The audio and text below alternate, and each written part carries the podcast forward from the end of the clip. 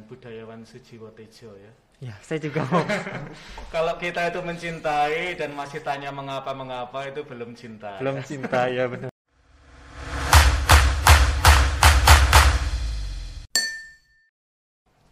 Halo Sobat Katolik yang ada di rumah, kembali lagi bersama dengan saya Henry dalam podcast Minggu Prapaskah yang terakhir. Saat ini kita akan bersama-sama kembali membahas mengenai tema yang sangat menarik. Tema yang akan kita bahas pada hari ini adalah pengorbanan. Nah, terkait dengan tema tersebut, saat ini saya telah bersama dengan salah seorang Romo, Sri Jesuit. Nah, siapa beliau? Nah, mungkin Romo dapat memperkenalkan diri terlebih dahulu kepada teman-teman di rumah. Rekan-rekan muda, perkenalkan saya Mutiara Andalas. Saya sering dipanggil Romo Andalas. Nah, ya, halo Romo Andalas. Halo juga. Apa kabar nih Mo? Baik, baik. Hmm, baik ya Mo. Nah kan kita akan membahas mengenai tema uh, pengorbanan nih Mo. Nah sebenarnya nih Mo, uh, pengorbanan itu apa sih Mo? Dan kenapa kita sebagai umat Katolik perlu untuk berkorban? Uh, biasanya orang bicara tentang hidup ugahari ya jadi orang hidup dengan yang sesuai dengan kebutuhan kita. Nah, pengorbanan itu satu langkah di depan ugahari. Oh, Jadi uh, kita sering kali mengurangi yang cukup dalam diri kita karena kita melihat ada sesama yang membutuhkan. Nah, itulah ada unsur pengorbanan ya. Kalau dalam kitab suci, kalau kita diminta jalan satu kilo, kita jalan dua kilo ya. Kalau seseorang meminta bagian atas tubuh kita, kita memberikan seluruh pakaian kita. Nah, kira-kira pengorbanan seperti oh, itu. Uh, pengalaman saya nih mau selama masa prapaskah ini mm -mm. pengorbanan yang saya lakukan itu mungkin cenderung bisa dibilang ya lebih sedikit atau kurang begitu mm -hmm. ya mau. Kalau yang saya alami mungkin uh, pengorbanan yang saya yang mungkin saya dapat lakukan mungkin ya uh, sekedar membantu dan itu pun apa dalam konteks yang sangat kecil atau sangat sederhana begitu mo. Nah sebenarnya nih mo pengorbanan uh, seperti apa sih mo yang ingin Tuhan Yesus untuk kita lakukan begitu? Uh, saya tadi pagi ngobrol dengan seorang mahasiswi uh, PBI namanya right. Vio. Uh, dia cerita bahwa dia kerja part time hmm. dan buat saya saya sangat apresiatif ya karena di tengah keluarga yang uh, secara kesulitan uh, lebih berat daripada periode sebelumnya, dia pengorbanannya adalah sebenarnya kan dia bisa memilih ya tetap menjadi mahasiswa seperti biasa dengan gaya hidup yang biasa, hmm. tetapi dia meringankan beban orang tuanya ya dengan bekerja. Hmm, bekerja. Nah, buat saya itu pengorbanan ya pada level orang muda yang barangkali tidak semua dari kalian mau ambil ya karena itu kan mengambil waktu main mengambil waktu belajar, belajar bahkan ya, gitu. ya mungkin juga kegiatan di kampus. Nemeni teman yang sedang bermasalah. Itu pun buat saya uh, mungkin bentuk pengorbanan ya pada uh, masa pandemi ini ya. Jadi kita nggak ngurusin hidup kita sendiri tapi kita apa uh, merelakan sebagian hidup kita itu kita berikan ya. Uh, terutama waktu pertemanan untuk teman-teman seperti teman -teman itu. Terkait dengan uh, masa pandemi ini mau sebenarnya selain yang Romo sebutkan tadi mengenai kita membantu teman kemudian di saat pandemi ada nggak sih mau wujud atau bentuk-bentuk pengorbanan yang ternyata itu cocok atau cukup sesuai untuk kita terapkan di masa pandemi seperti sekarang ini mau Iya, misalnya di banyak gereja ya hmm. e, menyadari bahwa masyarakat itu sangat terdampak secara ekonomi oleh pandemi. Ada banyak gerakan kita sebut aja segomubeng ya. Iya jadi gereja apa uh, memasak sesuatu yang dikumpulkan dari umat gereja yang uh, merasa tergerak terhadap penderitaan warga. Lalu banyak orang muda ya yang jadi pengantar hmm. nasi itu ya sehingga bisa mubeng ya bisa berkeliling dari satu ujung ke ujung yang lain. Ini buat orang muda kan lebih waktu lalu passion, passion. dan buat saya orang muda punya itu ya jadi uh, orang muda itu punya passion yang besar. Uh, ketika mereka kita kasih gagasan besar ya uh, tentang segomobong itu mereka gampang kita gerakkan kok.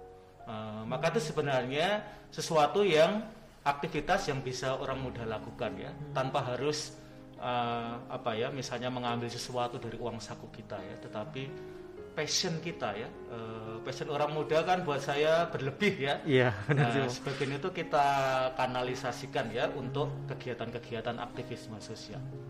Hmm. berarti terkait dengan kita juga bisa berkorban mengenai passion juga gitu ya mau oh di masa pandemi mungkin kita punya passion atau kegemaran di satu bidang mungkin begitu. Contohnya seperti tadi sego mubeng mungkin kita suka untuk bersosialisasi begitu dengan lingkungan dengan uh, keluarga. Jadi kita bisa uh, membantu untuk memubengkan sego itu tadi gitu. karena kan di situ buat saya gini ya uh, kalau dalam gereja Katolik kan kita menerima komuni ya dan masa pandemi ini uh, tubuh Kristus perlu menjadi roti ya tubuh Kristus perlu menjadi nasi dan sering kali yang terlibat untuk menjadikan tubuh Kristus itu menjadi nasi adalah orang muda. Adalah orang muda. Mereka yang mau bangun pagi, kemudian mengantar ke warga yang paling miskin ya selama masa pandemi ini. Dan uh, saya selalu senang ya bahwa Paus Fransiskus sendiri kan menyebut ya orang muda itu hatinya itu mudah sekali tersentuh untuk aktivisme sosial. Iya, benar. Nah, itu uh, apa ya mengoreksi ya pandangan sebagian orang bahwa orang muda itu egois mikirin dirinya sendiri dan seterusnya. Hmm, jadi selain orang muda itu ya memang orang muda itu memiliki sifat mungkin egois begitu, -hmm. tapi di lain itu ternyata banyak sisi positif yang bisa untuk dilibatkan dalam sosial dan dalam uh, keadaan yang seperti sekarang ini begitu ya mu. -hmm. Makanya saya ini ya uh, prihatin juga ya misalnya kalau kita melihat di televisi, di media sosial uh, orang sampai ngeprank ya, terutama selama masa pandemi ini ya. Di tengah segala penderitaan itu kok reaksinya ngeprank ya. Menurut saya reaksi yang genuine adalah solidaritas ya.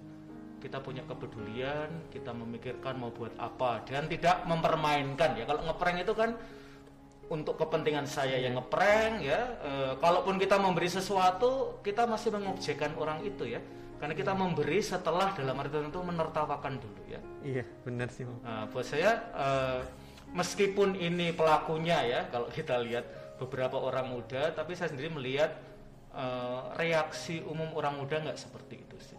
Hmm, iya sih benar. Kalau ngeprank itu kan mungkin bagi yang melakukan prank itu suatu yang menyenangkan begitu -hmm. tapi kan kita nggak tahu bagaimana yang kita prank. Mungkin kan ada mungkin ya ada luka begitu mungkin bagi mereka begitu ya mo betul betul betul.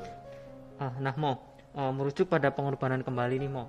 Uh, istilah pengorbanan itu mungkin yeah.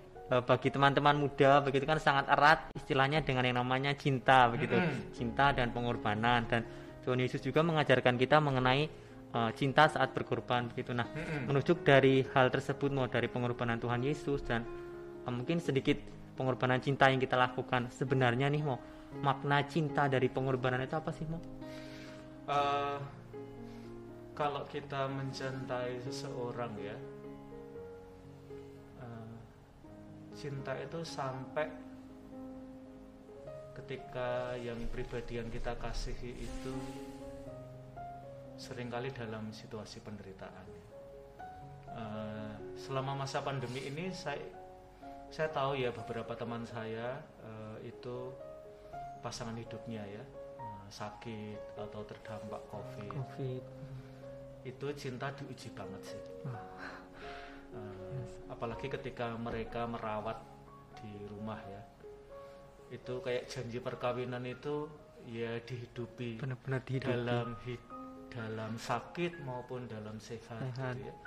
Karena pada akhirnya dalam situasi itu kan hospital terdekat itu adalah rumah ya. Uh, maka sebenarnya ketika seseorang mau merawat pasangan hidupnya atau mungkin kalian juga ya beberapa da dari kalian perlu merawat orang tua yang sakit selama masa pandemi.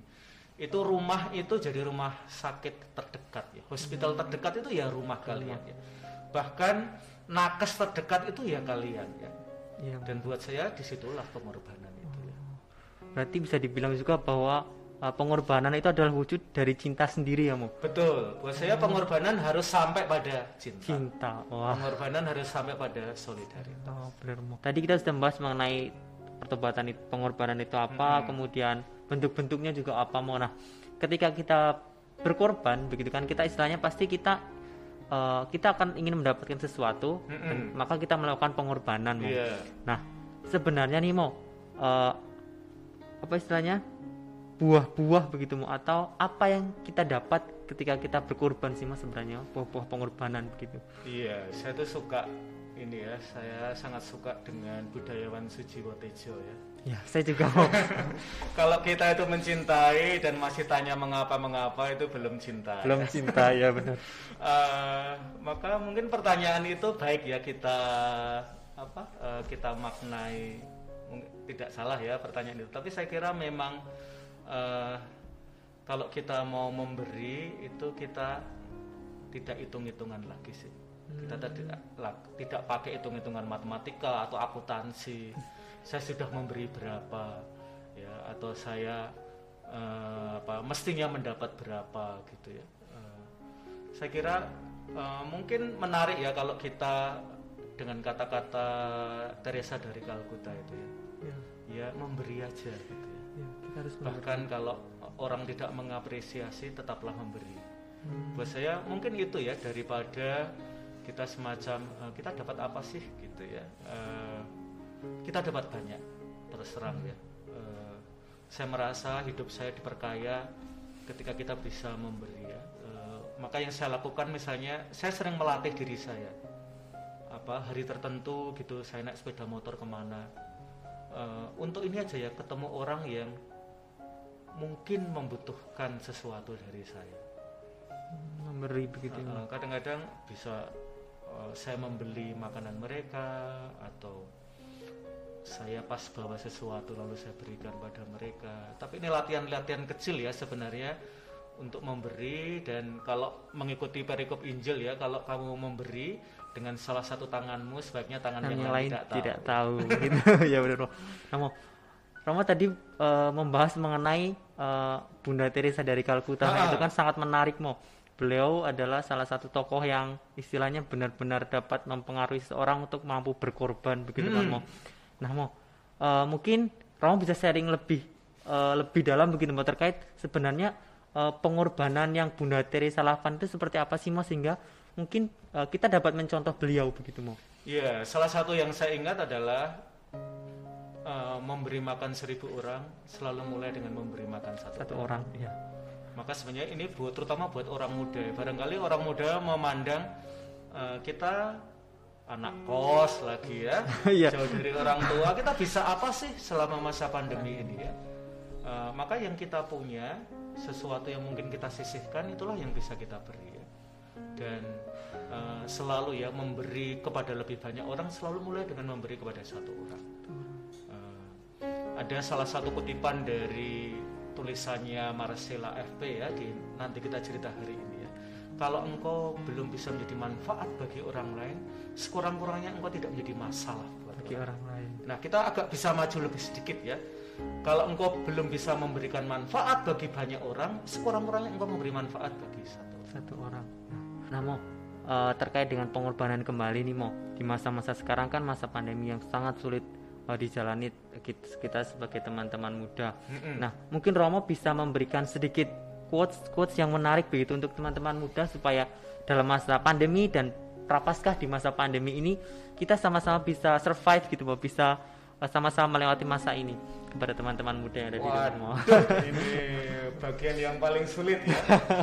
saya tuh mikir-mikir udah lama tapi mungkin karena saya seperti kalian ya kita masih pemula, kita masih belajar.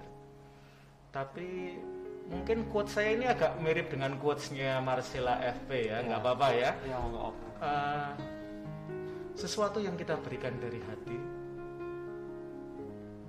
dengan sepenuh hati akan sampai pada hati yang lain. Mungkin itu ya. itu dalam banget mau dari hati ke hati hati gitu ya mama luar biasa. Baik mau itu terima kasih atas kuasnya. Sama-sama nah, teman-teman muda yang ada di rumah sobat-sobat katolik yang ada di rumah itu tadi percakapan kita dengan Romo Andalas untuk uh, masa prapaskah di minggu yang terakhir ini. Semoga apa yang kita bahas hari ini dan quotes yang sangat melegenda ini dapat benar-benar terngiang dan dapat kita laksanakan dalam kehidupan kita sehari-hari. Terima kasih Romo karena sudah datang dan sudah berbagi pengalaman begitu. Terima kasih, Terima kasih sama-sama. Dan sampai jumpa.